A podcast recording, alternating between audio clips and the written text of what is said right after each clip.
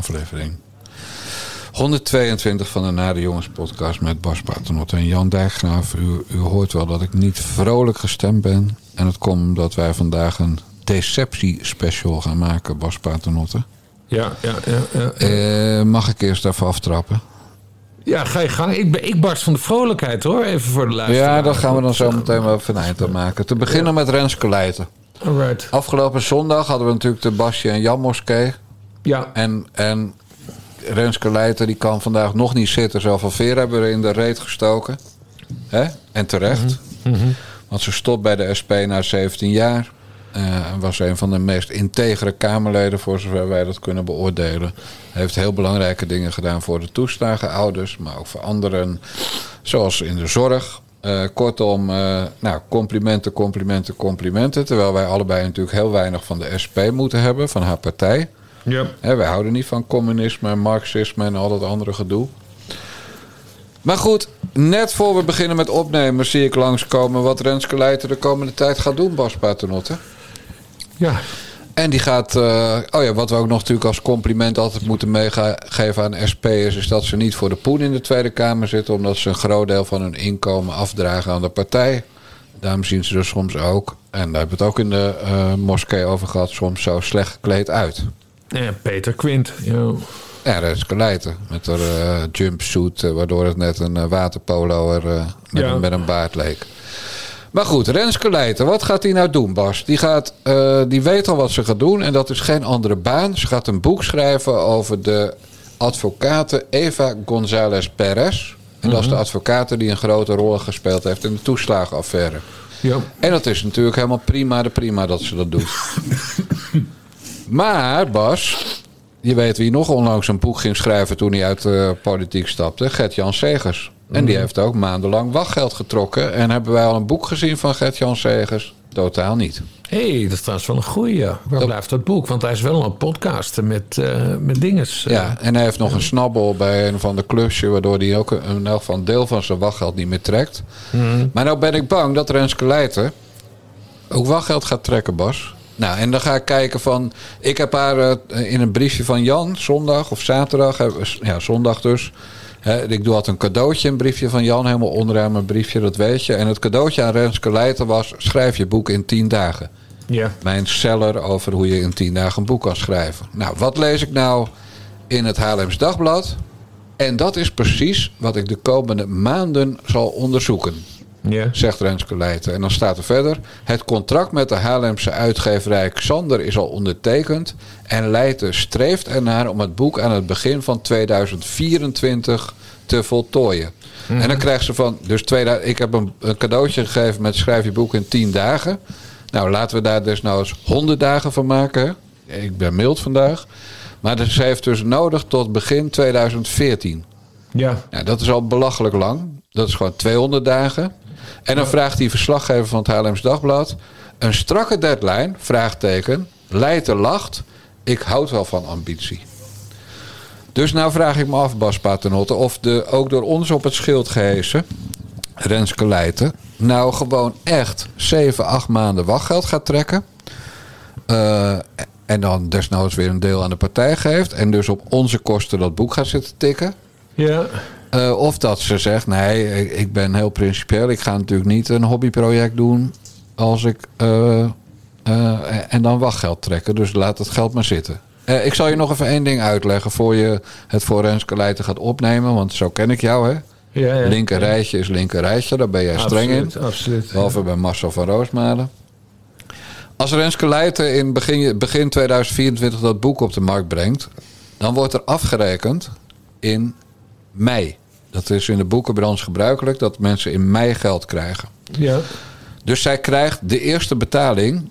eh, dus laten we even zeggen, het boek komt voor 1 mei uit. Dan krijgt ze in mei een zeer beperkte be- eh, betaling.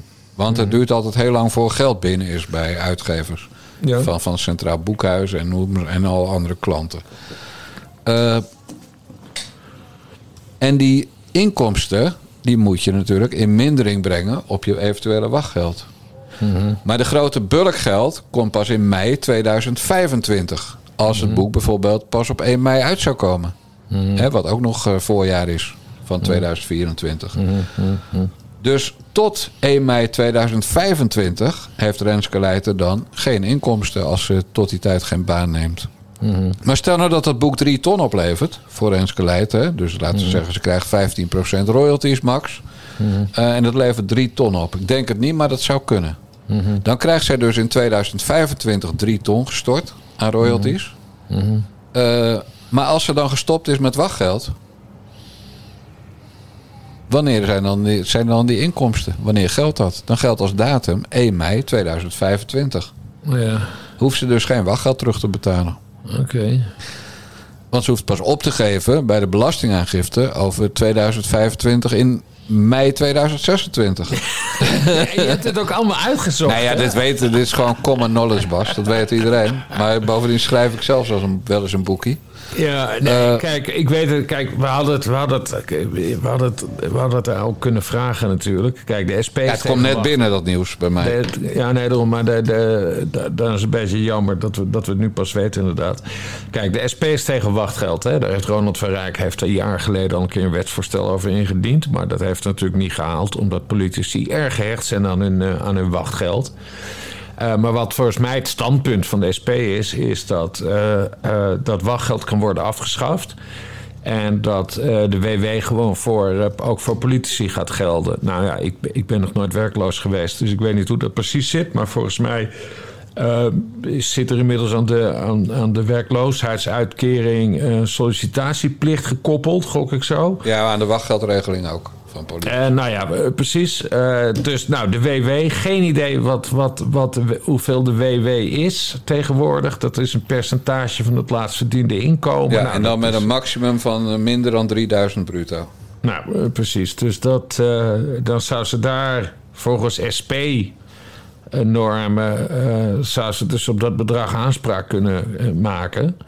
Nou, dat, dat weg, wachtgeld, volgens mij wordt dat gewoon tegen je zin uitgekeerd Ja. Door de overheid.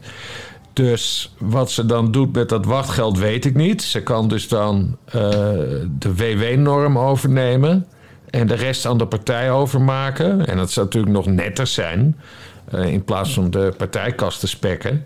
Eh, dat de partij dan dat, eh, dat restwachtgeld gewoon netjes terugstort. Hè? Zodat alle belastingbetalers er wat aan, aan hebben. Maar goed, dat, dat zouden we haar moeten vragen. Maar ja, ik- het enige wat ik weet is... SP'ers zijn eh, tegen wachtgeld. Dus ik, neem, ik ga er voetstads vanuit dat, dat Renske. Eh, zich dan gewoon aan de, aan de staande WW-norm zal houden. De vraag is alleen, dat is wel een interessante vraag... wat gebeurt er met de rest van het geld? Nee, de vraag is ook waarom je, waarom je recht hebt op een WW-uitkering als je gaat werken aan een boek. Ja, Eh, dus, dus de kwestie is meer, wanneer dat boek wordt afgerekend, dan heeft ze geen wachtgeld meer. Maar theoretisch. Kijk, ik ben. Al die mensen die boeken schrijven, Aris, of hoe heet die, Gert-Jan Segers ook. ja. Doe dat gewoon lekker in je vrije tijd, man. Er- schrijven 50.000 Nederlanders Ja, een maar boek goed, in de maar vrije daarom- kijk, dat weten we dus niet. Misschien gaat ze het wel in de vrije tijd doen. Weten, weten, weten, weten wij veel wat ze allemaal heeft afgesproken met de SP. We, het- wat we weten is dat ze in ieder geval eh, actie gaat voeren tegen Tata Steel. Nou, de SP is een rijke partij. Dus ze kunnen ook gewoon afspreken. Nou, nemen. ja, we nemen jou in dienst. Ja. Of eh, je kan een factuur sturen eh, voor je actie tegen Tata. Hè? Want ze heeft natuurlijk heel veel kennis en een netwerk. En zij moet natuurlijk ook gewoon, eh, daar moet ook brood op de plank. Dus misschien ziet ze sowieso wel af van het wachtgeld. Dat, dat, dat weten we niet. Nee, maar dat ga jij maar het is een uitzoeken. interessante vraag. Ja, dat ga jij uitzoeken en, en dat zet jij nu op je to-do-list, neem ik aan. ja, ja. Zodat je mijn gevoel van deceptie een beetje weg kunt nemen de volgende keer. Ja. Nou, En- ja, en de- verder? Ja, nee, maar de, wacht, ik, ik schrijf het echt op. Hè. Ja, en, en schrijf dan ook op eh, boek Gert-Jan Segers. Wanneer dat uitkomt. Want die heeft al een boek eh, zitten Ja. tikken op Segers. onze kosten. boek. Ja. Nee, de grote deceptie is natuurlijk dat ze dat boek niet in tien dagen schrijft. Ja, dat sowieso. Ja. Ja, dat sowieso. Maar dat, En, en, dat ze niet, en dat ze niet bij jou uitgeeft trouwens. nee, nee, nee, daar heb ik helemaal geen belangstelling voor. Daar heb je geen belangstelling Nee, totaal niet. Nee, nee, want ik geloof niet in dat soort boeken. Ik geloof wel dat ze moeten komen, maar ik, geloof, ik doe alleen maar bestsellers. En, Ja, en, ik, als- ja, maar ik geloof ook niet dat, ze, dat jij zei dat ze hier 300.000 euro mee kan ophalen. Nou, dat, dat, dan, dan, Nee, daar geloof ik niks van, natuurlijk. Nee, maar, Nee. nee. maar kom op. Stel nou, stel nou, ze pakt een ton wel geld. Omdat Ja. ze bezig is met het boek en dus ook geen tijd heeft voor andere banen. Hè, of Ja. grotendeels. Maar ze, ze pakt een ton en dan worden de 5000 van die boekjes verkocht. ja, Dan dragen jij en ik en de andere belastingbetalers gewoon 20 euro per boek bij aan haar. Dat is toch gewoon zonde van het geld. En waarom? dat- kijk, even eh, los van, los van haar. Wat, om, eh, omdat, we de- omdat ik althans vermoed dat ze, dat ze eh, daar geen wachtgeld voor zal gebruiken. Dit is wel een breder belangrijk punt inderdaad. Want heel veel politici doen dit. Die Ja, zeggen, tuurlijk. ja, maar ik ben een boek aan het schrijven. Ja. vriend, maar dat boek dat hoeft niet geschreven te worden van ons belastinggeld. Vind ik een goed punt, Dijkgraaf. Goed punt. Dankjewel, Bas. Nou, eh, doe dan ook even een lijstje van alle andere politici die dit hebben gedaan. Ja. En dan weet ik zeker dat er nul hebben verkocht. Ja, daar heeft één boek verkocht. Maar dat was een sprookjesboek. Dat was Plus van eh, Femke Halsema. Waarin ze beloofde nooit burgemeester van Amsterdam te willen worden. Ja, ik heb, dat, ik, heb dat, ik heb dat één of twee jaar geleden ook een keer uitgezocht. Toen die, toen die toestand met Baudet begon. Met, eh, Ja, die met- verkoopt natuurlijk ook als een Met boeken, Ja. boeken en royalties. En eh, naast Baudet, Baudet verkoopt goed. Ja, en de andere cijfers die ik kon terugvinden van een goed verkocht boek was van eh, Lodewijk Asscher. Eh, die, eh, die, eh, die ook een boek had geschreven toen hij uit de politiek was gegaan. En die had trouwens volgens mij geen wachtgeld, want die is heel snel weer gaan werken. Maar die heeft alle opbrengsten van het boek heeft hij aan de partij gegeven. Ja, Pieter Omzicht heeft ook veel verdiend met zijn boek. Mhm. Anderhalve ton in één jaar, eerste jaar. En die heeft het aan twee goede doelen gegeven. Maar dat moest dan in eh, termijnen, omdat je maar zo een bepaald bedrag per jaar mag weggeven. Mhm. dus, maar dat was ook een bestseller. Nee, p- van Femke Halsema viel mee. Maar Omzicht was eh, de grootste bestseller uit de Ja. Nederlandse politiek. En bijvoorbeeld Wiegel. Ik weet niet of jij dit, dat dikke boek ook hebt. Eh, Nee. een biografie van Wiegel heb ik wel gekocht, omdat ik vroeger Wiegel-fan was. Ja. Maar ik ben er nog niet eens aan begonnen, man. Jezus, Nee. joh, gewoon 600 pagina's of zo. Of, oh. En dat je ook denkt van hoe die man er nu bij zit. Hè? Hij is toch op weg een beetje om Frits Bolkestein te worden. ja. Bolkestein, ja. Maar die biografie heeft hij die zelf geschreven? Nee, natuurlijk niet. Later schrijven. Over hem. Over Ja. hem, ja. Nee, eh, Nou, ja, ik wist dat hij kwam. En, want het is al een jaar oud. Er stond iets in, ja, nee, dat weet ik. Maar er stond ook iets in over dat hij een vriendschap had met Gerard Reven. En dat, dat vond ik wel interessant. Maar ik heb, ik, ik heb dat daarna nooit meer iets over gehoord. Maar dat boek is dus wel uitgekomen. Ja. Het is sowieso stil rond Wiegel, hè? Maar dat komt ook door die beroerte. Omdat hij, dat hij, hij kreeg die beroerte. En daarna is hij gestopt bij de Telegraaf. Omdat die columns echt helemaal niks meer werden. Dat zeg je nog heel vriendelijk. En, en er is, eh, en er is, ik heb er die, geen publiciteit mee gekregen volgens mij over dat boek. Nou, ik zag hem. Nee, ja, in het begin. Ja, toen wel. Want het boek was wel even uitverkocht ook. Zo goed ging hij de eerste week. Oké, Maar eh, ja, is, nee, Wiegel is gewoon eh, mooi, eh, mooi geweest. ja. Hadden we nog maar een Wiegel bij de VVD. Ja. Bas, eh, over decepties gesproken. Pinocchio 1 en Pinocchio 2 waren gisteren bij een hoorzitting eh, van, de, van, eh, van de Tweede Kamer. Ja. En ondanks dat je altijd op maandag vrij bent, hè, want zo ben jij een gewoontemens, Ja. eh stuurde je toch een, eh, een klein fragmentje van eh eh Gidi Markersauer van de PVV Ja. met Khadija Ariep. En ik hoor straks al waarom je het hebt gestuurd, maar ik denk van, is dat omdat je het smieren op hoog niveau vond? Komt-ie. Ja, de heer Marcus Sauer. Nou, dank u wel. Eh, allereerst, eh, mevrouw Ariep, eh, van harte welkom. Wij als PVV zijn hartstikke blij dat u er weer bent. En we missen u. Nee hoor. En wij missen u nog dagelijks.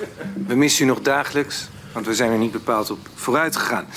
Maar dank ook dat u uw verhaal hier houdt. En ehm, dat u eigenlijk zegt dat mevrouw Joritsma en mevrouw Ollongren net niet de waarheid hebben gesproken. En dat zij wel degelijk aan u hebben gezegd en dat heeft u ook in de brief geschreven aan de Kamer. Net als Niels u dat heeft opgeschreven. Dat de heer Omtzigt een probleem zou zijn. Een risico zou zijn. En onhoudbaar zou zijn. Alhoewel dat laatste alleen Niels u brengt eh, en niet u. Ehm, ja, en ik vraag toch dan eigenlijk aan u, mevrouw Ariep. eh, of u niet denkt... Kijk, een week later, laat ik het anders even schrijven. Een week later bent u gewipt als Kamervoorzitter. Terwijl u de juiste kandidaat was. De beste kandidaat was. En eh, denkt u dat het een met de ander te maken he- heeft? Bent, wat u heeft. Oh, u, ook hier vandaag. U, geeft, uh, u zegt dat zij niet de waarheid spreken. U heeft in dat gesprek was u uh, uzelf. Hè? U heeft gezegd dat gaan we niet doen. U krijgt geen uitstel. En ik vind het niet gepast dat u zo over een Kamerlid van mij spreekt. Heeft u niet gewoon een hele hoge prijs betaald voor uw standvastige en eerlijke optreden? Mevrouw Ariep. Mocht u daarover een hoorzitting willen organiseren, dan kom ik graag uh, om daar iets over te vertellen. Uh, dus uh, ik wil eigenlijk daar niet op ingaan als u dat niet erg vindt. U heeft me gevraagd om iets over dat gesprek te vertellen en daar ben ik hier voor aanwezig. Dus en daar wil ik het bij. Nou ja, dat respecteer ik uw antwoord. dan, dan, een, dan een, korte, een korte vervolgvraag. Nu wij u u hebben gehoord en de vorige twee sprekers... lijkt het u niet ook verstandig uh, om uh, een vervolggesprek... met mevrouw Joritsma en Olongren onder Ede uh, te horen? Zou u dat ons adviseren? Mevrouw Ariep. ik ga niks adviseren, maar mocht dat nodig zijn... dan ben ik daartoe bereid. Dat is geen enkel probleem. maar het is aan de Kamer, niet aan mij. Wat vond je hier nou zo mooi aan, Bas? Oh, prachtig. Maar je moet de beelden er ook bij zien. Want zij een heel filijn glimlachje heeft Ariep uh, om, de, om de lippen. Uh, nee, kijk, want ze heeft gewoon nog iets af te rekenen met die Kamer. Dat onderzoek naar haar, dat loopt dus nog. Hè, al, die, al die klachten, of hoe zij zich als voorzitter zou hebben gedragen. Uh, maar zij vindt het natuurlijk belachelijk. En uh, zij voelt zich erg tekort gedaan. Uh, dus zij is altijd bereid om mee te werken. Om, om, om wie dan ook uit D66-hoek te slopen. Hè? Want het is, het is Vera Bergkamp die, die, die in beide gevallen een belangrijke rol heeft gespeeld. Maar ik vond dat, dat mevrouw Ariep dat heel subtiel... die frustratie die bij haar leeft, heel subtiel verwoorden door deze zeer diplomatieke antwoorden te geven, waar natuurlijk een dubbele laag achter, uh, achter zit. Ja. Uh, maar verder vond ik het smeren van Markensauer. Want de PVV was altijd tegen Ariep als Kamervoorzitter ja. vanwege haar dubbele nationaliteit. Ja, dus ja. dan gaan roepen van uh, u, u, we, fijn dat u weer terug bent. Nee, in, vanwege die theorie waren ze vonden ze het fijn dat ze destijds opgerot was. Ja, ja, ja. Toch? Daar zit was dat nou smeren, denk je, of, of helemaal niet? Nee, kijk, helemaal aan het begin uh, waren ze tegen Ariep. Uh, juist om die dubbele nationaliteit. Maar uh, daarna, hè, helemaal ook omdat Martin Bosma met Ariep in het presidium zat. En die konden het goed met elkaar vinden. En Martin Bosma die reed vaak mee met... met hè, want ze woonden bijna in Amsterdam. Ja. Reed vaak met Ariep mee in de dienstauto terug naar, terug naar de hoofdstad. Dus nee, uh, uh, Marcus Houwer die was, uh, die was daar gewoon eerlijk. Die zei van ja, we missen u, want uw opvolgster doet het niet zo goed. Nee, ja. dat zat niet smieren in de zin van in blij dat je bent opgerold. Nee. Absoluut niet. Nee, maar hij meende het dus echt.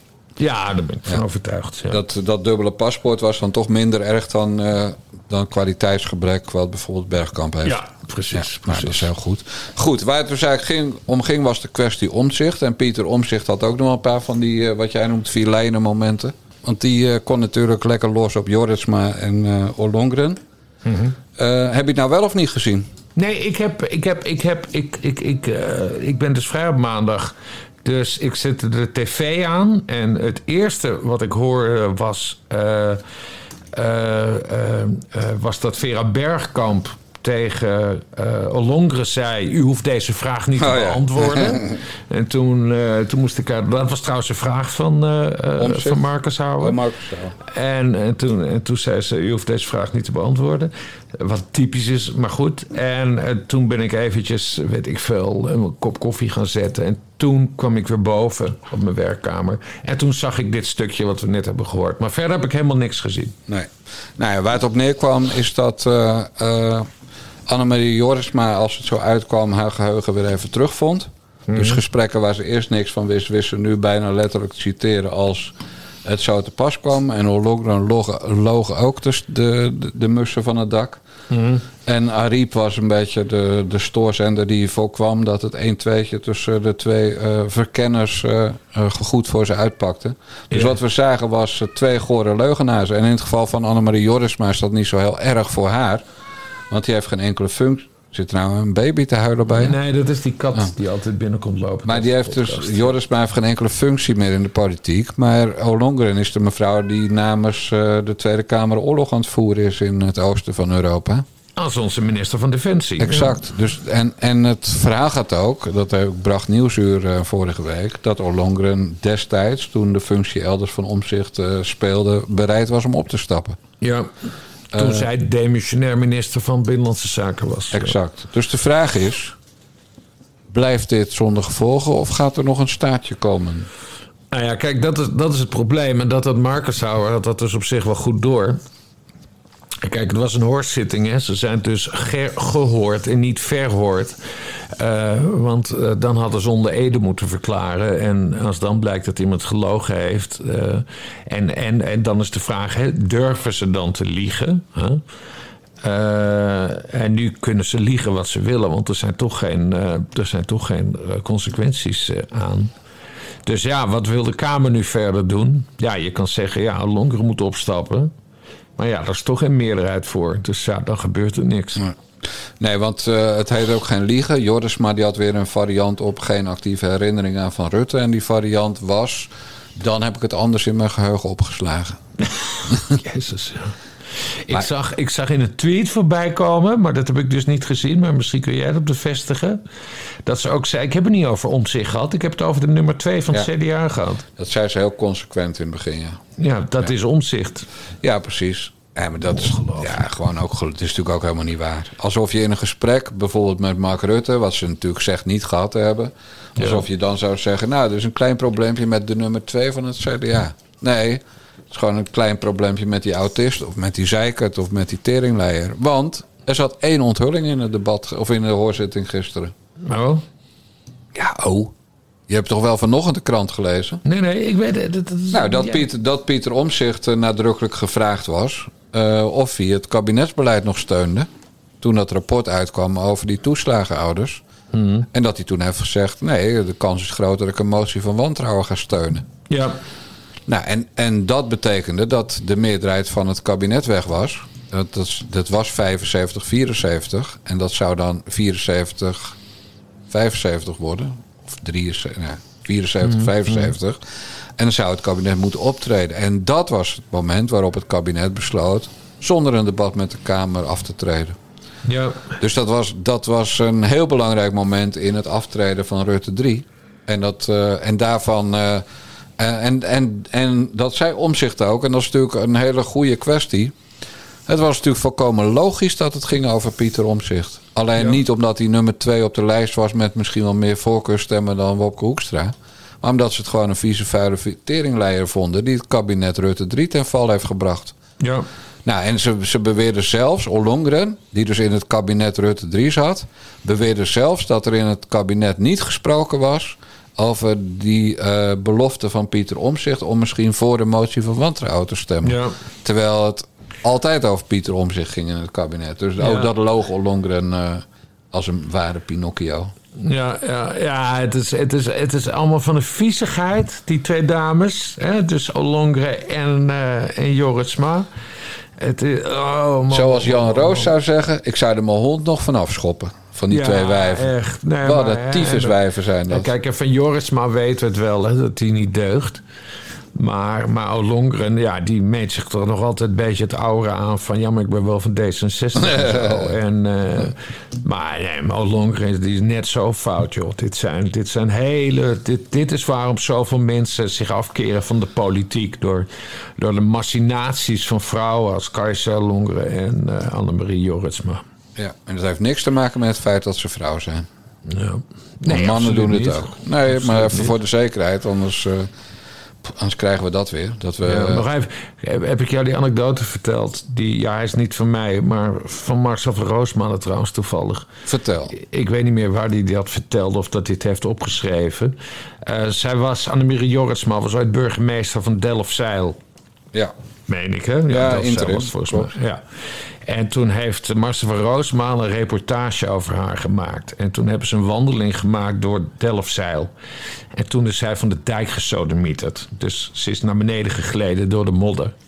En toen ze uiteindelijk opkrabbelde, toen, toen zei ze tegen hem... Dit is off the record. Oftewel, ze, ze viel van de dijk en, en vond het dus off the record dat de burgemeester van de dijk was gevallen. En nou ja, dat vond hij dus van niet. Maar dat geeft dus even aan Wat hoe deze vrouw denkt. Van hallo, je dondert van de dijk af. En dan zouden journalisten die mogen opschrijven. Ja. Is Voor de, nou voor de trouwe luisteraars van de Nare Jongens podcast... als mensen een anekdote twee keer vertellen en precies hetzelfde... dan klopt die. Dus Ja. fijn dat we dat even hebben kunnen controleren, Bas. Want een week of vijftien geleden heb je dit ook verteld. Oh, oké. Ja. Maar dat maakt niet uit. Eh, eh, ik doe dat misschien ook wel eens. Alleen ik heb zo'n slecht geheugen dat ik het niet meer weet van mezelf... als ik dingen dubbel vertel. ja. Eh, je had het over D66 en over deugen. Nou, en, en ik heb dus gisteren ook dat, die hele hoorzitting niet uitgekeken. Omdat er twee minuten over half vijf een tweetje in mijn timeli- timeline verscheen. Ja, en toen heb ik, weet je wat ik toen gedaan heb?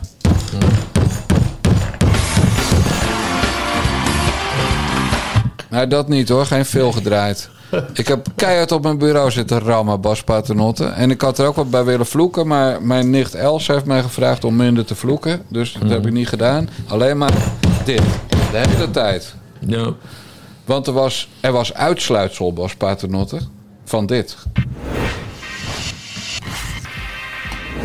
Een paar weken geleden daar heb ik de collega Paul van Menen ook nog even om gesproken, over gesproken. Die gaat straks naar de Eerste Kamer. Daar gaan we wel even vanuit. Dat, eh, die, daar kun je wel op, toch van op aan. Zeker, Dat schuift, eh, eh, dan komt er een plekje vrij. zeker. Wie is dan de eerstvolgende kandidaat? Sigrid Kaag. Ja, die gaat het niet doen. Nou, dat moeten we allemaal gaan afwachten. Ah, joh, doe nou niet zo stom. Nee, het, eh, Voor een half jaar, dus... eh, nog even, hè, want eh, u gaat ook vertrekken, toch? Halfjaartje. Half jaar. Ja, joh, tuurlijk. Nee, dan kunnen we nog even. Zeker. zeker. Maar ja, welk toch niet geheel onomstreden persoon staat er nu op het puntje om op te schuiven? Ik, bedoel je? Ja, ja u, gaat naar, u gaat echt naar de oude lullenbende, dat weet we. We gaan naar de andere kant. Maar wie volgt u hierop? Kom even hier, want anders dan... Er is, eh, er is geen vacature op dit moment, dus Het schuift op, hè? Mensen zijn gekozen. daar kan ik helemaal niks zinnigs over zeggen. Volgens mij eh, begint Sydney, Sigrid Kaag. Die staat... ja, maar wie... sch- Ik heb het over wie komt er nou in de Kamer voor u in de plaats? Geen idee. Dan ga ik... Het schuift toch op? Dat meneer Smeet? Mensen... Nee, er zijn ook mensen die willen weten wie mij opvolgt op onderwijs. Dat lijkt Maar, ja, ik vandaag even niet. ik ook niet. Eerstvolgende eh, op dit moment in de ranglijst, dat is de heer Sidney Smeets. ja, die is uit de Kamer gestapt. Eh, is hij nog welkom als hij terug zou willen? Nou ja, hij is uit de Kamer gestapt. Dat is de vraag niet. Eh, toen hebben wij ook gezegd dat we dat onvermijdelijk vonden. Dus daar is, eh, daar is geen, eh, geen verandering in. Dus wat dat betreft is hij voor jullie niet meer welkom in de fractie. Nou goed, weet je, dit, dit speelt over een half jaar hè, als eh, dan een zetel vrijkomt. Dus laten we het dan verder over hebben. Maar Nou oké, als we hem daar vooruit komen. is er geen verandering in de situatie van toen. Nee.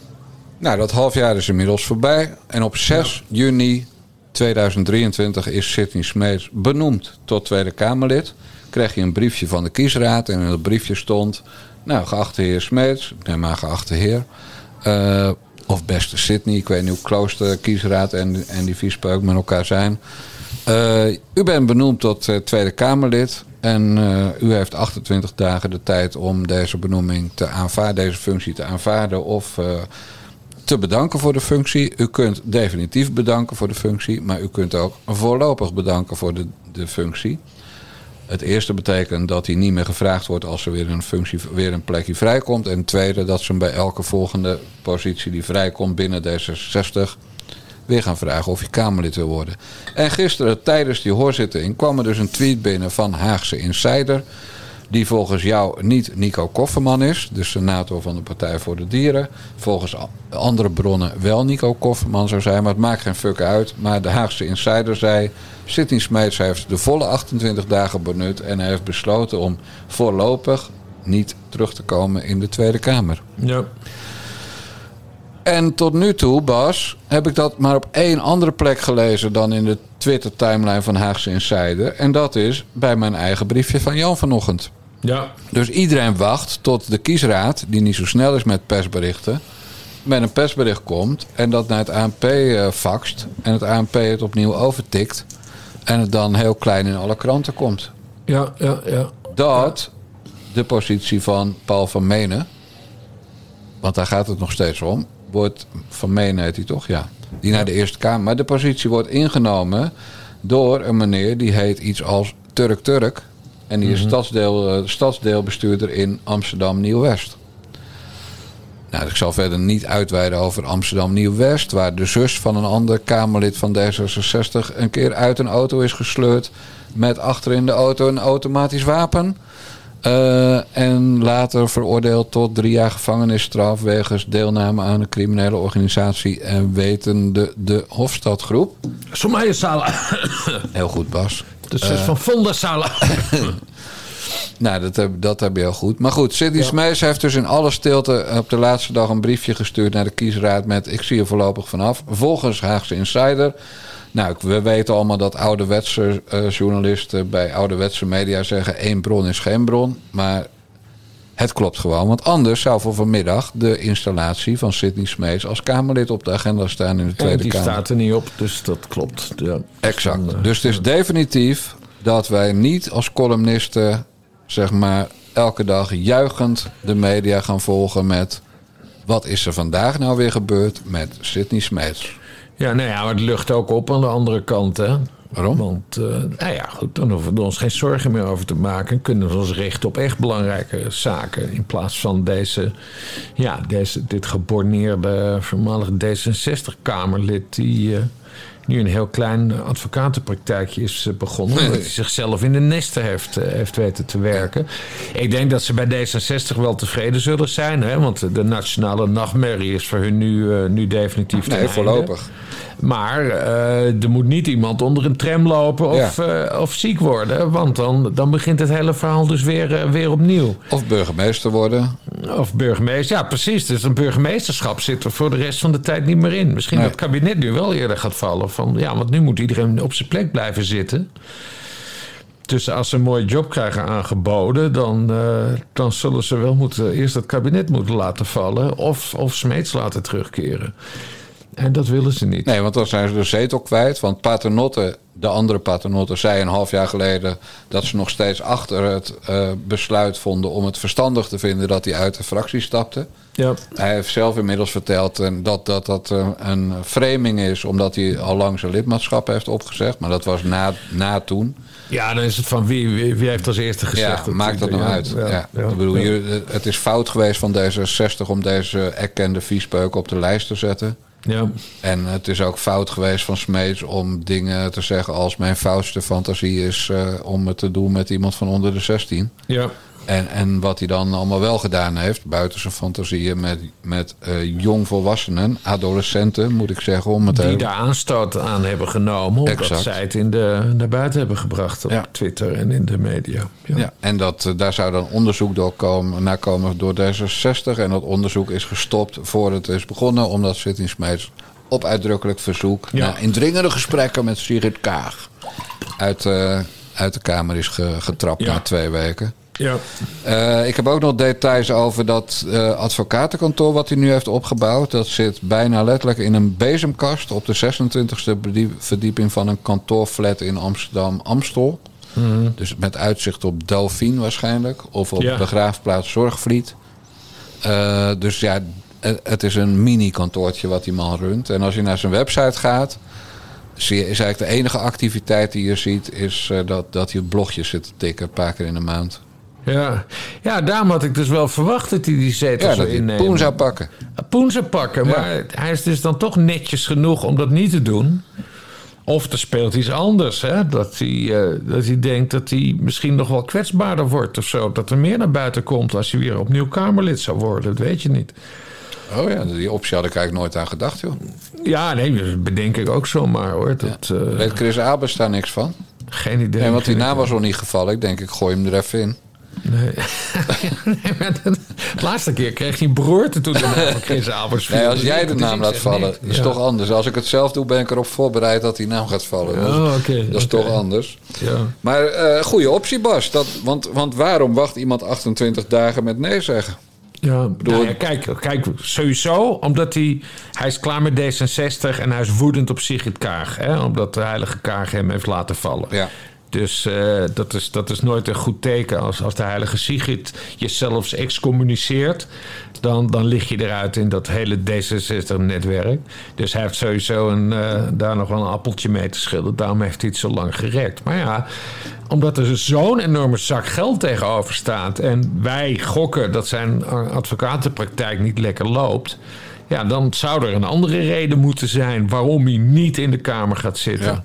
En jij, jij sluit niet uit dat dat dingen zijn die te maken hebben met bijvoorbeeld eh, winkeldiefstal, Ik weet door ja, rood rijden, hekje- grooming. Hekje intrappen van een supermarkt, weet ik veel. Nee, maar dat, dat, dat is wat ik... Ja, er moet toch een reden zijn. Ja, misschien ik heb dat ook geen bang idee. Is dat, dat er dan meer mensen met andere dingen naar voren Ja. komen. Het is natuurlijk niet zo dat hij ooit veroordeeld is voor pedoseksuele activiteiten of zo.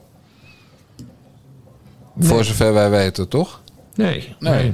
Nee, oh, interessante invalshoek eigenlijk wel. Ja. Kijk, wat hij hierbij wel doet, is een beetje een spaken in de raderen van, eh, van het karretje van D66 stoppen.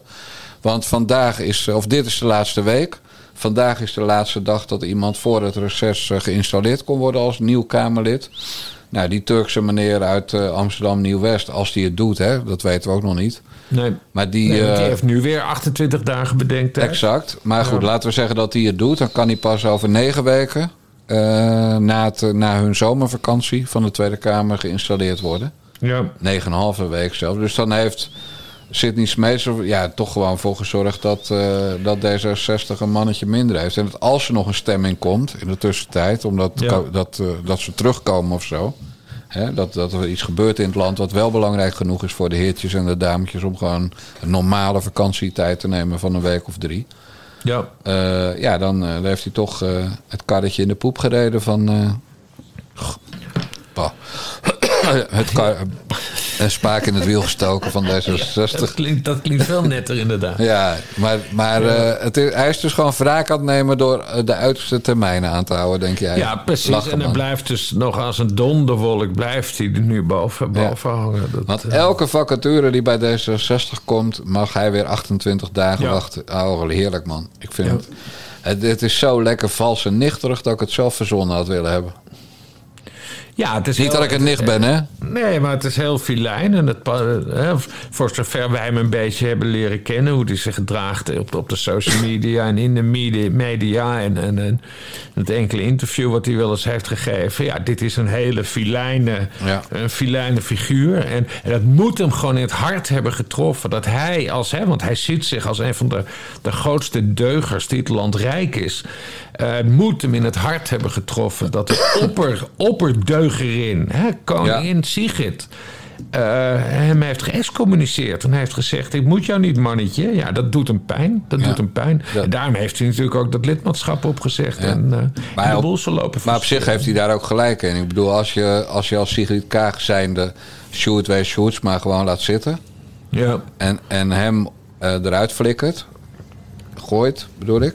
Ja. Eh, ja, dan, dan sta je wel heel laag in de, in de pikorde En, bij en, Kaag. en vergeet niet, dat, moet hem, dat bedenk ik me nu pas, vanuit zijn, vanuit zijn métier als jurist, als advocaat, moet hem dat ook pijn hebben gedaan. Dat Tjeerd de Groot een tik op de vingers van het Openbaar Ministerie heeft gekregen. Ja. Dus dat het Openbaar Ministerie heeft gezegd: Strafbaar. Op, vriend, volgende keer gaan we je Ja. vervolgen. Hè? Want je mag niet zomaar journalisten voor fascist uitmaken. Maar dat die Sidney Smeet die nergens voor is vervolgd, voor zover wij weten. En die eh, nog nooit een tik op de vingers heeft gehad van het OM, voor zover wij weten. eh, dat, dat die is geëxcommuniceerd. Ja, Ja. dat doet hem ook pijn natuurlijk. En hij heeft gelijk. De Sjoerd Sjoerdsma en Tjeerd de Groot wel- en ik niet. Wat is dat nou? Ja. Zeker omdat het... Dat, eh. Ja. Ik denk dat dat komt omdat Sigrid Kaag dan toch homofoob is, stilletjes. Dat zou ook nog eens kunnen. Sigrid Kaag is homofoob. Want, ze, was niet voor, ze voelde zich niet voor niks zo thuis in de Palestijnse omgeving. ja, Waar ze ook allemaal homofoob zijn, behalve als de geitenmannetjes. Ja, nou, dat, dat, hangt er, dat hangt er vanaf. Hè? Want eh, haar man die is natuurlijk van PLO, Hamas. En onder Hamas-wetgeving is homofilie, eh, mag dat wel. Of Fatah, Fatah, PLO Fatah. En onder Hamas-wetgeving is homofo- homo, eh, homofilie natuurlijk weer verboden. Ja. Nou, in elk geval is ze gewoon homofoob, dat weten we nu. Ja, Want anders ja, laat je niet, kan de eh, conclusie zijn. Anders laat je niet uh, Tjeerd de Grote en Sjoerd Sjoers maar wegkomen met hun wandaden. Hè, die Ja. gewoon aantoonbaar zijn. Er is beeld van en geluid. Ja. En, en Sidney Smeets, die niks fout heeft gedaan volgens de wet. Precies, ja. Voor zover wij weten. Eh, die, die laat je eruit gooien. Terwijl die net zo'n zo'n baan bij advocatenkantoor van Spong heeft opgezegd. Ja. En ook dus daar niet meer terug mocht komen door deze affaire. Ja. En ook maar heel kort wachtgeld krijgt. Omdat hij maar twee weken in de kamer zat voor hij eruit geflikkerd werd. Ja. Dus ja, nee, ik, ik begin steeds meer mee te leven met Sidney Smeets. Ja, dat, het, kan- het kan verkeren, hè? Hoe dat Ja, gaat maar dat, opeens, dat, ja. dat heb je gewoon als je meester van de nuance bent. Dat moet jij Ja. weten. Dat, jij, jij had ook altijd Marcel van Roosmalen in je linkerrijtje van aardige mensen staan. Dat is ook gewoon over nu. Ja. En dat is dan te danken aan Maxime Meiland... Voor wie, van wie je tot een half jaar geleden nog nooit gehoord had. Ja, ja. Zo gaan die dingen gewoon. Ja, ik, ik, ik, ik, krijg, ik krijg nu ook opeens compassie met die Sidney Smeets. Want ik zie hem nu voor me in eh, dat bureautje in die bezemkast. Ja. Dat moet voor hem ook niet makkelijk zijn. Echt zo'n zo'n kantoor waar allemaal van die eenpitters en zo zitten ook. Hè? Van die Ja. bedrijven die even kort een kantoor nodig ja, hebben. zo'n bedrijf is samengebouwd. Ja, precies. Ja. En dat heeft, heeft een mooie naam. Ik geloof iets van Wagner Flat of Wagner, weet ik veel, of Metro, nog wat. Maar in elk geval zo- zo'n hele hoge toren. En, en dan zit je daar, eh, en die, en die toren heeft dan prachtig uitzicht over de stad. Maar ja, dan moet je wel een kamer kunnen huren met ramen. En Ja. niet een bezemkast, want Nee. de meeste bezemkasten hebben gewoon geen raam. Nee. Ja, dus, eh, maar goed, eh bezemkast brengt me weer op Hans Laroes. En voor mijn hersenen nu weer gekke sprongen gaan maken, Bas, wil ik even naar de volgende deceptie. En die heeft te maken met dit. Kijk, er wordt hier wel, en, en daar wil ik me wel een beetje tegen verzetten. Er wordt hier wel een beetje echt in de loopgraven eh, ingegraven. Dus als jij asielzoekers wilt, dan wil jij dus iedereen uit Afrika, een tsunami van asielzoekers hier naartoe laten komen. Toen wij een motie hebben ingediend over de pushbacks, en dan heb ik het over de pushbacks van mensen die gewoon met geweld terug de zee in geduwd worden, die vervolgens verdrinken. Ja, ik weet niet hoe iedereen hierin staat, maar ik vind het gewoon verschrikkelijk als dat gebeurt. En toen ik die motie heb ingediend, toen werd het van de rechterkant van partijen, ik zeg niet de heer Van Haga specifiek, toen werd er gezegd: kijk, de BBB is ervoor dat al die Afrikaanse asielzoekers met hun Nike en Gucci tasjes Europa komen overspoelen. Weet je, laten we daar een keer mee stoppen. Laten we gewoon reëel zijn. Er zijn mensen in de wereld die op de vlucht zijn. Die met kinderen lopen. Die gewoon, het enige wat die mensen willen is gewoon een veilig huis. Een veilig bestaan. Dat ze niet in de ellende zitten. En ik wil dat wij die mensen humaan behandelen. En die mensen moeten hier een plek hebben. Nee, geen miljoenen. Geen honderdduizenden. Want ik kijk ook naar de mensen in gemeentes. Of het haalbaar, of het uitvoerbaar is, of het draagbaar is. En daar moeten we samen uitkomen. En ik word er echt helemaal, ja, sorry voor het woord, scheidsziek van. Dat we hier de hele tijd zijn. Oh, jij wil dit, dus jij vindt dat. Nee, we moeten gewoon in alle redelijkheid kijken wat een land als Nederland aan kan. Want we maken de mensen in Nederland helemaal gek met deze polarisatie.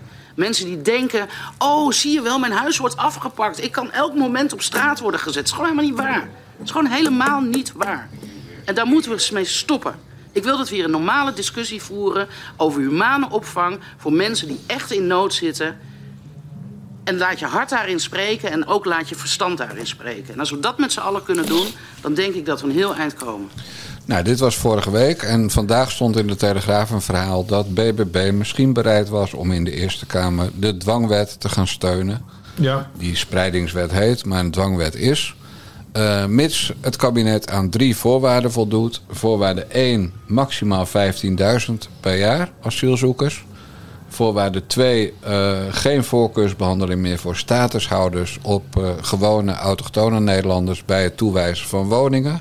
Met name in de sociale sector uiteraard. En eis 3, eh, bij het spreiden, CQ verdelen van asielzoekers. Eh, niet meer kijken naar de oppervlakte van een gemeente, hè, waardoor plattelandsgemeenten relatief veel eh, asielzoekers moeten opvangen, maar kijken Ja. naar het aantal inwoners van een gemeente. Ja. Eh, wat dacht jij toen je dat las in de Telegraaf? Nou ja, dit is, eh, dit is de Caroline van der Plas die zich langzaam eh, aan het ontwikkelen is. Hè? Als nieuwkomer was iedereen een beetje bang eh, van haar.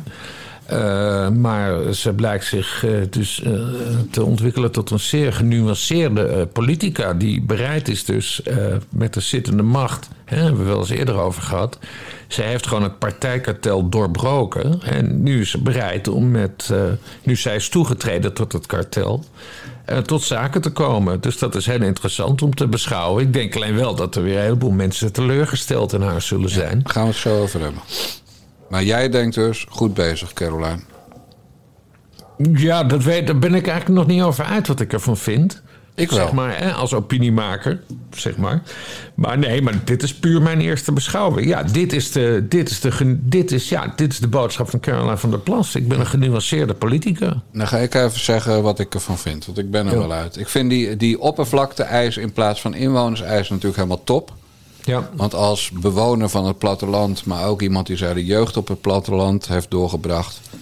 eh, en als iemand die wel eens ergens komt met de Lada Niva, weet ik dat het inderdaad de truc is om eh, de buitengebieden, en dat is eigenlijk alles buiten de randstad en de steden in de randstad, zwaarder te be- belasten met asielzoekers dan de steden zelf.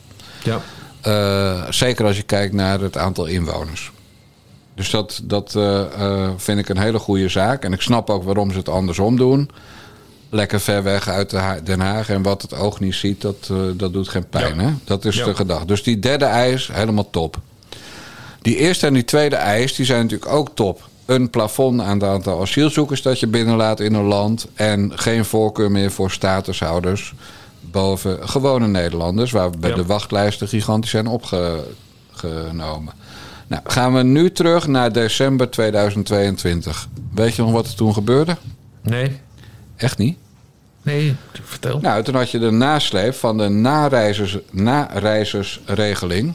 Mhm. Eh, de gezinshereniging dus, van, Ja. van als statushouders. Het enige wat de VVD na een congres had bereikt... was eh, om, om de asielinstroom te beperken, was een trucje. En dat was dat nareizigers later mochten komen. Die hadden een langere wachttijd. Ja, en, dat dat, bracht- is daarna weer afgeschoten Exact. door de De- Raad van State. De VVD bracht dat als een groot succes. ja. We kijken eens wat wij bereikt hebben om de instroom te beperken. Nou, A was het tijdelijk, maar B maakte inderdaad de rechter, zeg maar even, gehakt van die deal.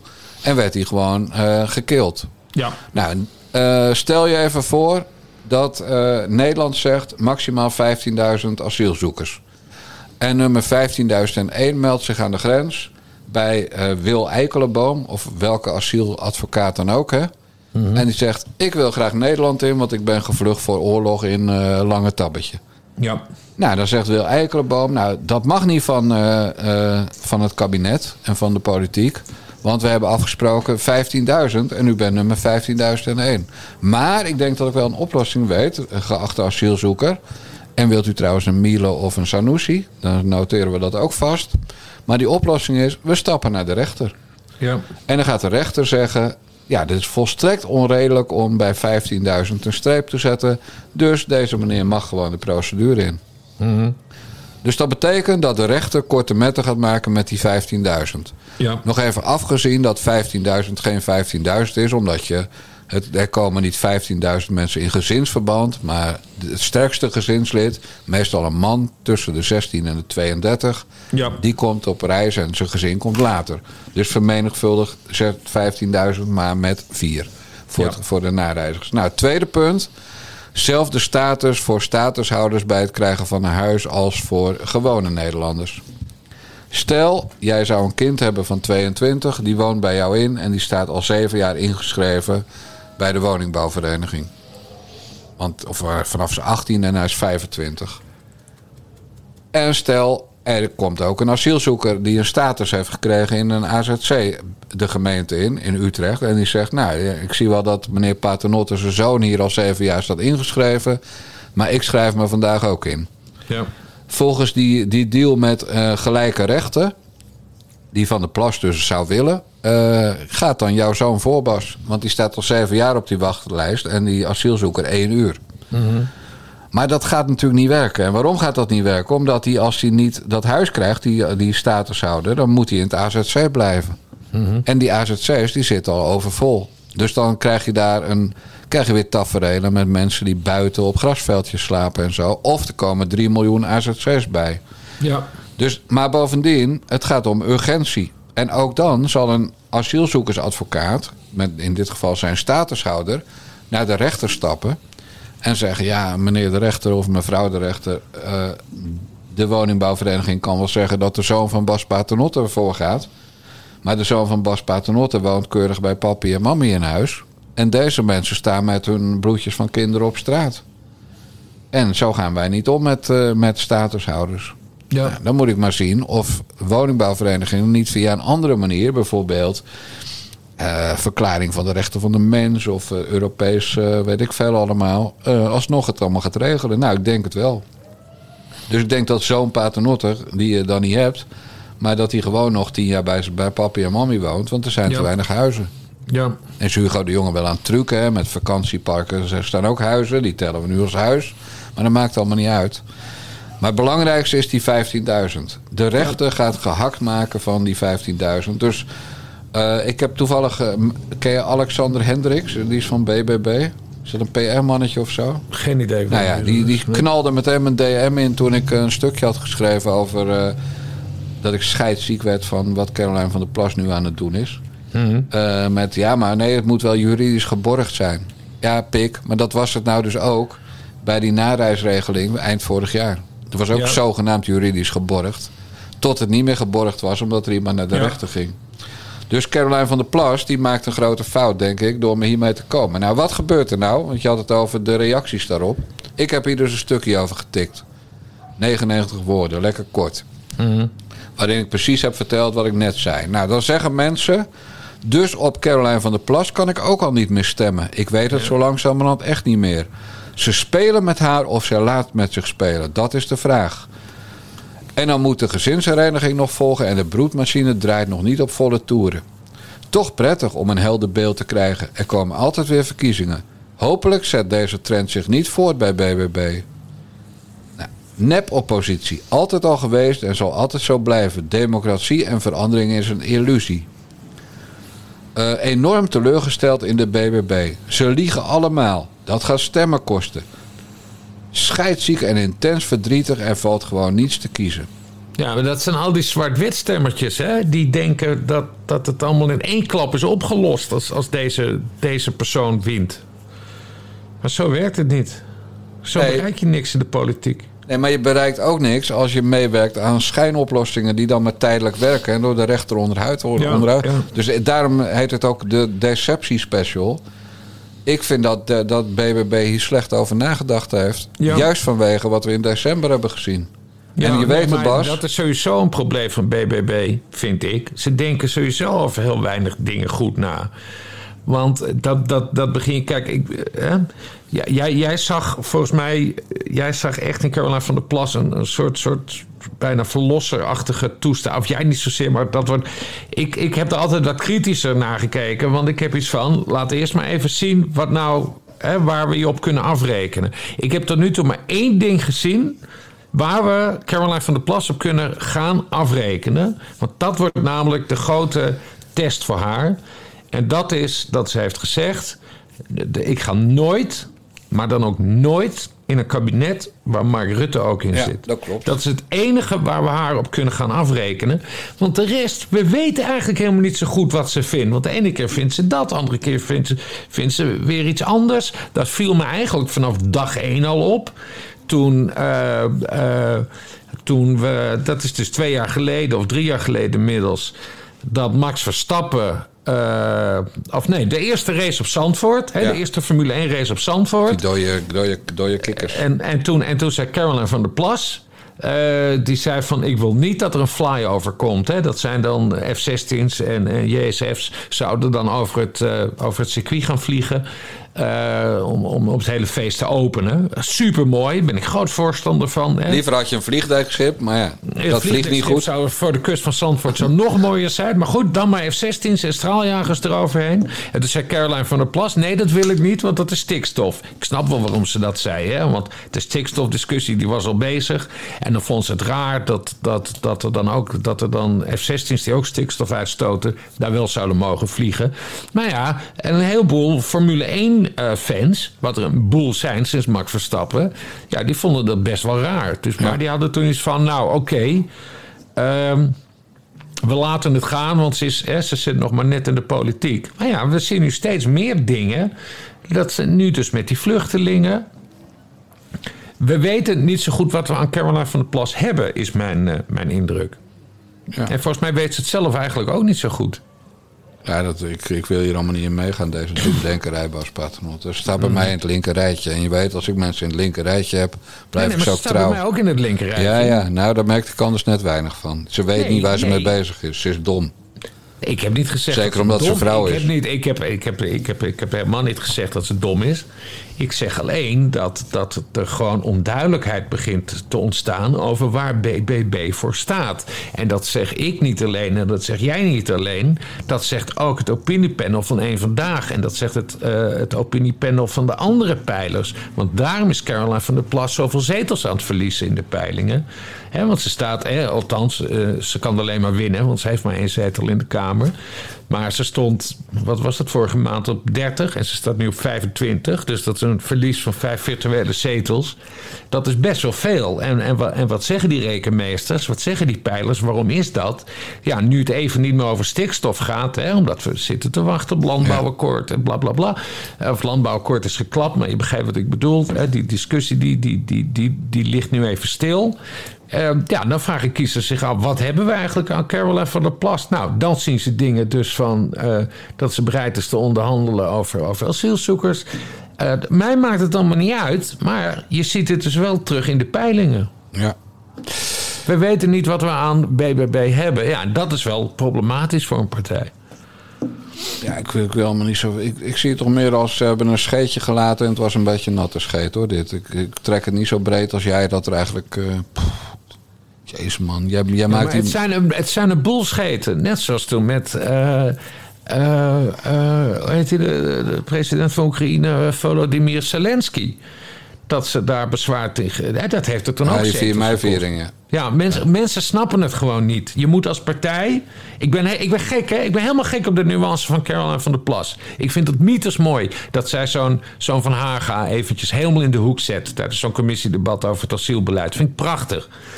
Eh, maar in de, je moet kijken naar de grote lijnen. Je weet, ik ben van de, gro- grote lijnen. en ja, de grote lijn is dat gewoon heel veel mensen eigenlijk niet zo goed weten wat ze aan BBB hebben. En dat, en dat zijn dus de mensen die haar zagen als een soort verlosser. En, en dat is dan een van mijn stokpaardjes. Er bestaan geen verlossers in de politiek, omdat je altijd zal moeten inschikken. Je zal altijd moeten onderhandelen, want het is niet een één partijstaat waar we in, in leven. Nou ja, goed. Mijn conclusie is eigenlijk, staat nu wel vast. Pieter Omtzigt moet nou eindelijk eens een keer aansluiten. Dan verliezen ze wat op, eh, op de genuanceerdheid van Van der Plas. Maar dan winnen ze wat op Pieter Omtzigt. Ja, nou, ik En dan hebben ze gewoon ik denk 50 dat die- zetels. Ik denk dat die genuanceerdheid van haar... dat die best wel kan werken. En Pieter Omtzigt, vergis je niet... dat is ook een zeer genuanceerd man, hoor. Dus daarom is, zou die combinatie... we hebben het vaker over gehad... Hè, BBB en, en, en, en Omtzigt zouden gewoon moeten gaan samenwerken. Dat, dat gaat wel werken. Alleen...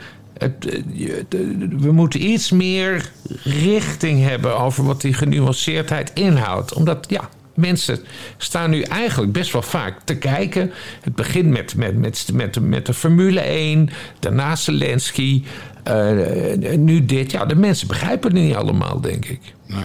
Hij klinkt nu een beetje als Diederik Samson. Met, we moeten het beter uitleggen. Nou, in dat, dat is een goed advies. Caroline van der Plas moet het beter uitleggen. Ja. Oké, nou dan is dat helder, Bas. Eh, wij hadden afgelopen zondag eh, voor het eerst in de, in de Basje en Jan Moskee een, een vrouwenhoekje. Omdat we toch iets willen doen aan de, aan, aan de samenstelling van de bevolking in Ja. ons abonneebestand. Hè? Ja. We, we streven toch naar een soort omvolking. Minder piemels en meer tieten. Mhm. Eh, dus, dus ik heb nu iets nieuws gevonden. Je weet dat, dat de meisjes echt van snoepen houden. En is nu in Amsterdam iets nieuws. En ik, ik denk, ja, Bas is ook een, een, een culinair, een liefhebber van culinaire tractaties.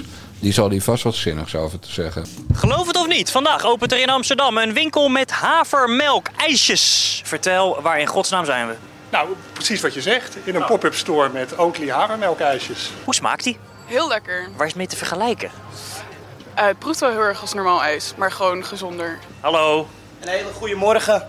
Zo, wat een enthousiasme. Welkom in de eerste Oatly Soft Serve pop-up store in de hele wereld. Ja. Jij bent goed geïnstrueerd.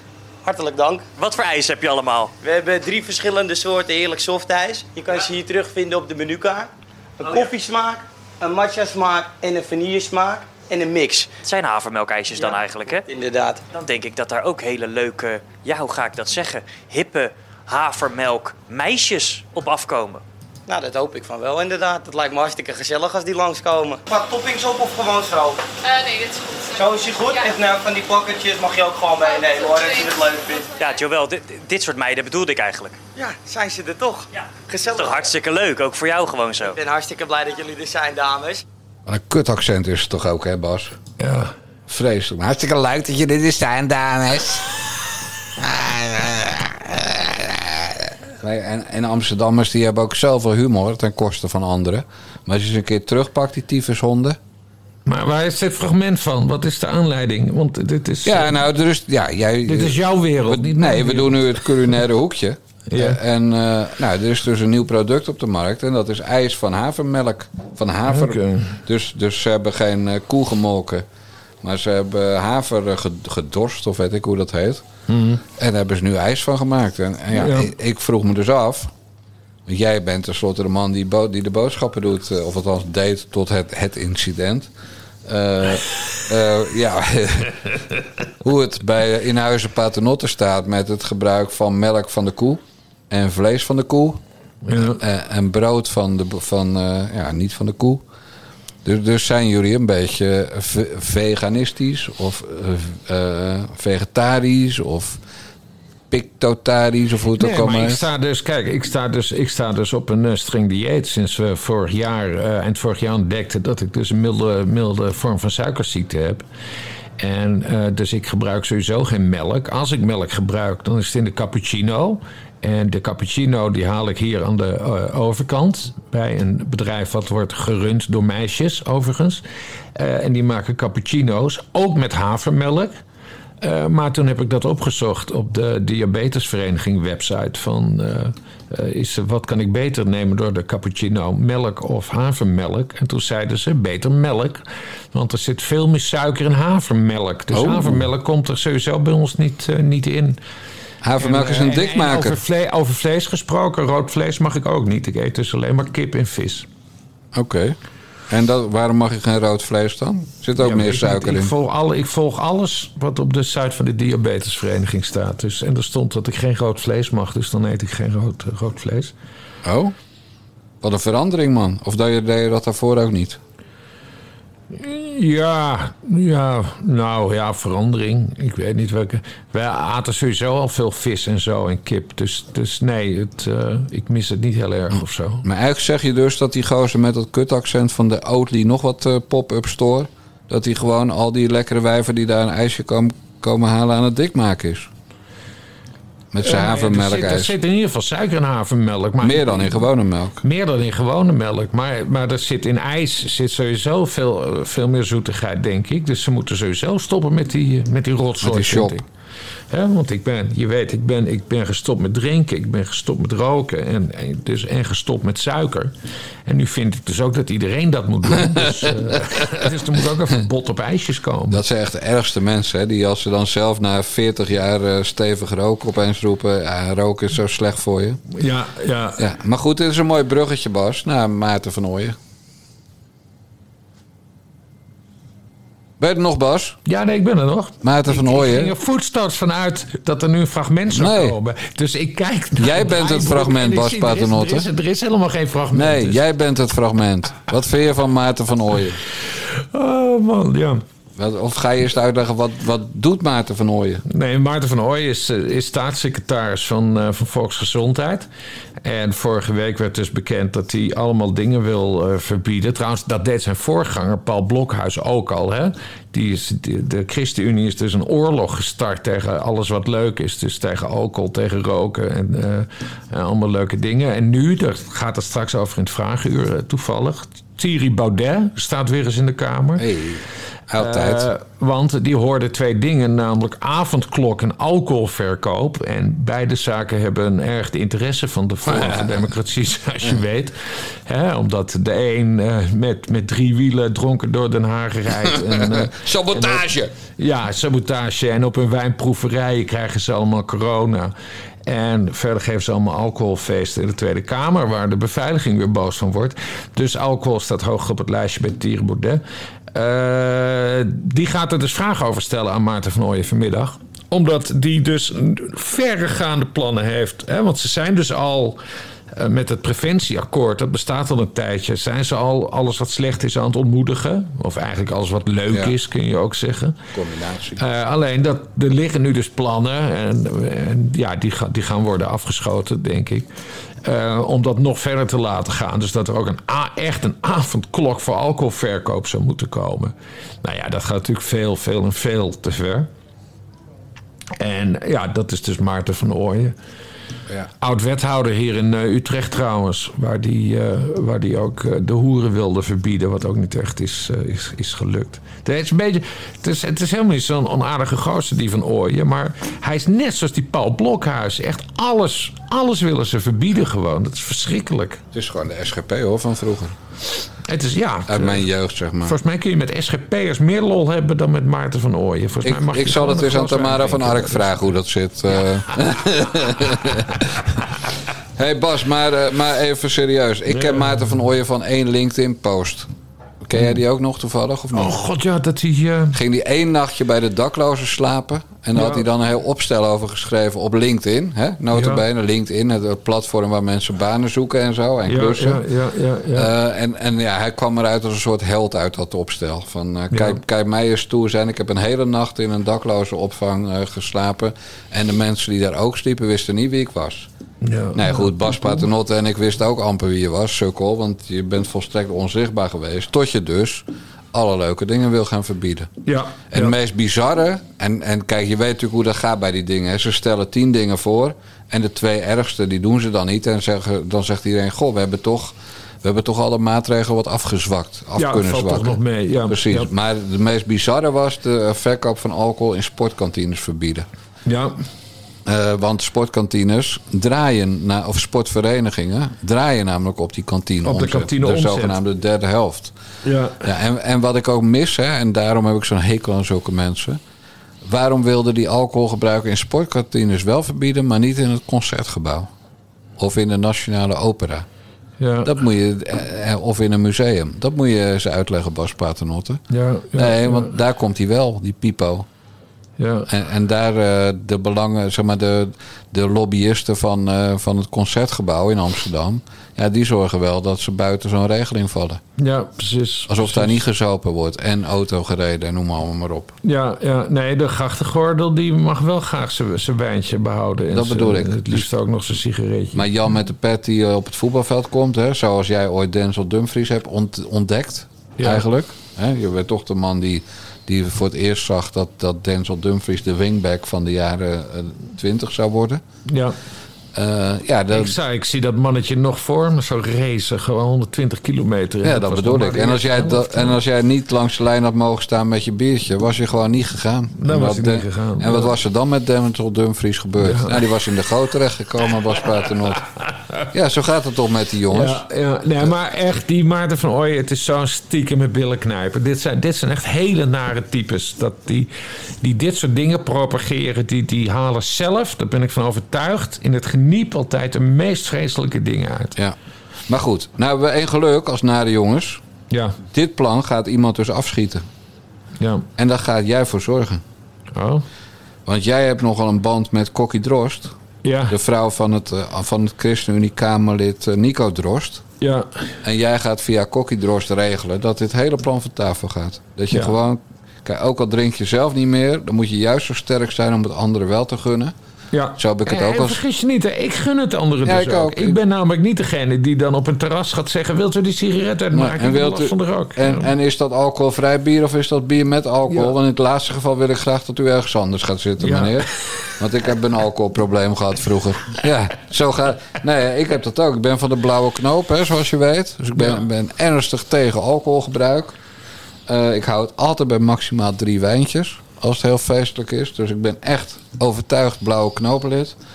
En, en toch gun ik anderen ook een drankje. Ja. Maar Kokkie Drost die is hier de, de, de sleutel in het geheel. Ja. Jij weet inmiddels al zoveel dingen van Kokkie Drost.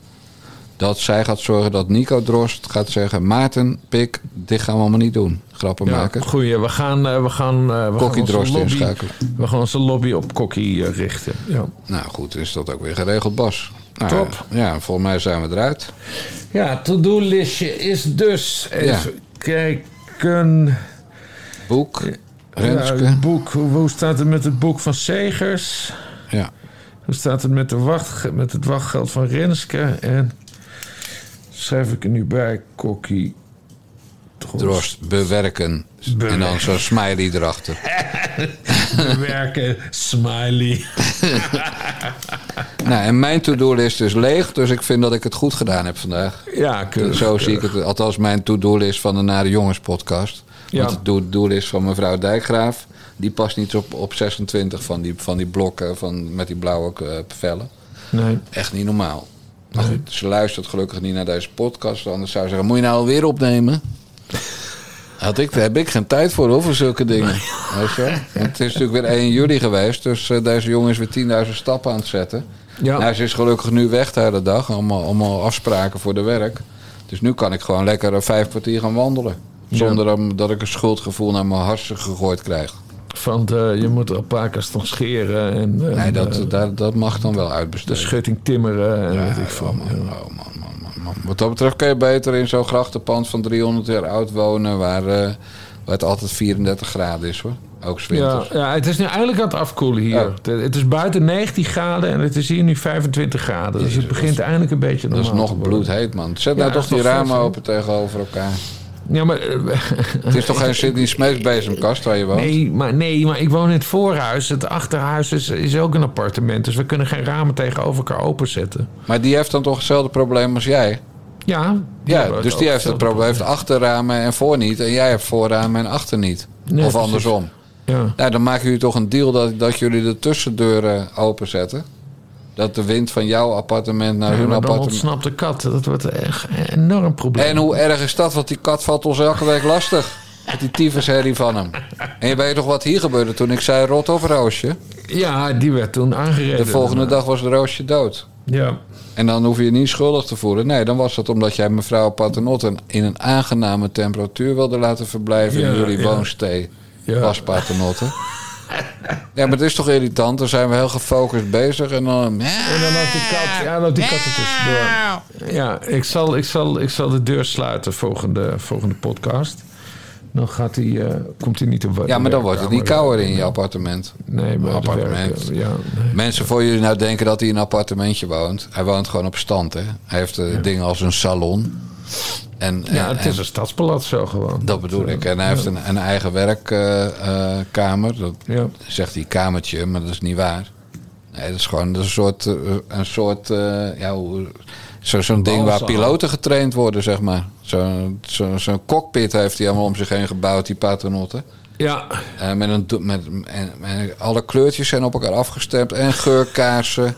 en tarotkaarten. Om te kijken hoe die de dag gaat doorkomen. Het is gewoon echt één groot circus daar. En dan boekenkasten rondom. boekenkasten rondom. Ja, tv-schermen. Eentje op echt- de voordeur ja, nee, gericht. het is echt een prachtige werkkamer. Ja, en dan heeft mevrouw Paternotte ook zo'n kamer. Dan hebben ze nog een, een slaapkamer. Nou, dan moet je niet denken aan je eigen slaapkamer van 14 vierkante meter.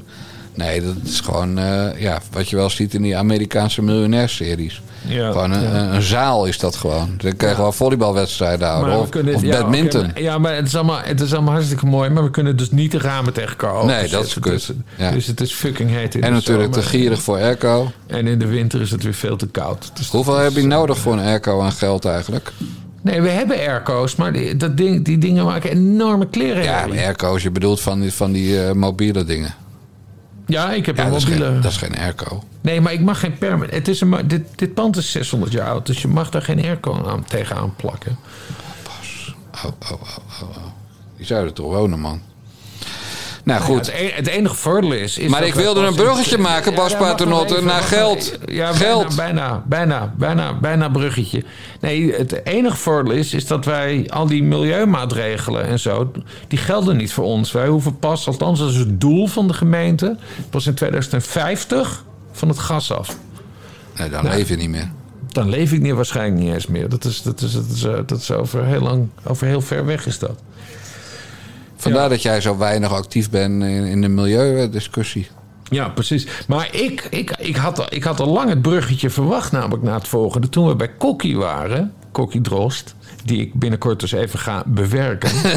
Eh, namelijk diversiteit. En eh, in het bijzonder het diversiteit van ons ledenbestand. Ja, goed, beste mensen. Dus wij willen meer homo's hebben onder de abonnees. Eh, dus als je ook voortaan de bellen met Bassie podcast wil horen... en de Ecumenische Kerkdienst uit de Bassie en Jan Moskee... dan moet je naar petjeaf.com slash naar de jongens... en dan moet je abonnee worden. Eh, dus een speciale oproep aan homo's is dit... want we hebben te weinig homo's onder de abonnees. Eh, en ook aan gehandicapten eh, is Ja. het ook een oproep... want we hebben ook te weinig... hoe wil jij dat trouwens gaan vastleggen? Interesseert mij dat nou als ze maar storten? Ja, maar hoe weten wij of iemand homo is? Ja, gewoon een natte vinger en niet Want ergens dat- insteken, want maar in de lucht. Nee, want dat mag je niet vastleggen. Want dat, dat AVG. Ja, precies. Ah, toch niet zo'n klein beetje ook. Dus dan ga je mensen vragen of ze hun... Wij hebben nu gewoon 1178 abonnees. En, en we weten gewoon dat 10% van de Nederlandse bevolking homo is. Dus ik Ja. stel gewoon bij deze vast dat in het abonneebestand van de Nare Jongens podcast maar 4% homo is.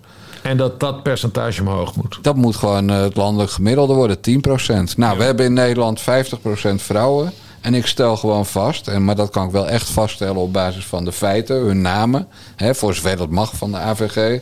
Maar ik stel gewoon vast dat we 20% vrouwelijke abonnees hebben. Ja. Nou, en, en wij gaan natuurlijk tussen 9 augustus en 1 september nog dat grote event in Esterga doen.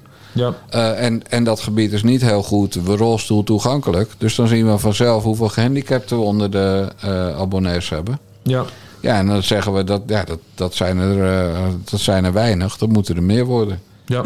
En, en mensen met rood haar hebben ook te weinig onder de abonnees. En mensen met blond haar en mensen met donker haar. En kale mensen hebben geen gebrek aan. Eh, maar gewoon, te- we hebben te weinig tieten en te weinig homo's. Daar komt het gewoon op neer. Ja. Dus iedereen wordt uitgenodigd om naar petjeaf.com slash naar de jongens te gaan. En voor 4 euro per maand of 40 euro per jaar, dus dan krijg je twee maanden gratis abonnee te worden. Eh, iedereen wordt uitgenodigd dus om dat te doen. En homo's en vrouwen in het bijzonder. En homo-vrouwen, dus zogenaamde potten, in het heel bijzonder. Want dan hebben we twee streepjes in het diversiteitslijstje staan. Ja. Nou, dat. Daar wou ik dus naartoe. Maar goed, Kokkie Drost, oké. Ja. Is Kokkie Drost al abonnee? Weet ik Want als niet. jij het toch gaat bewerken, pak dan gelijk even vier, tien- vier tientjes uit je portemonnee voor Kokkie Drost. Ja, ik zal het, ik zal het even, even eh, aan de voorstellen. Ja. Bas, ik zeg tot volgende week en de mazzel. Doei doei.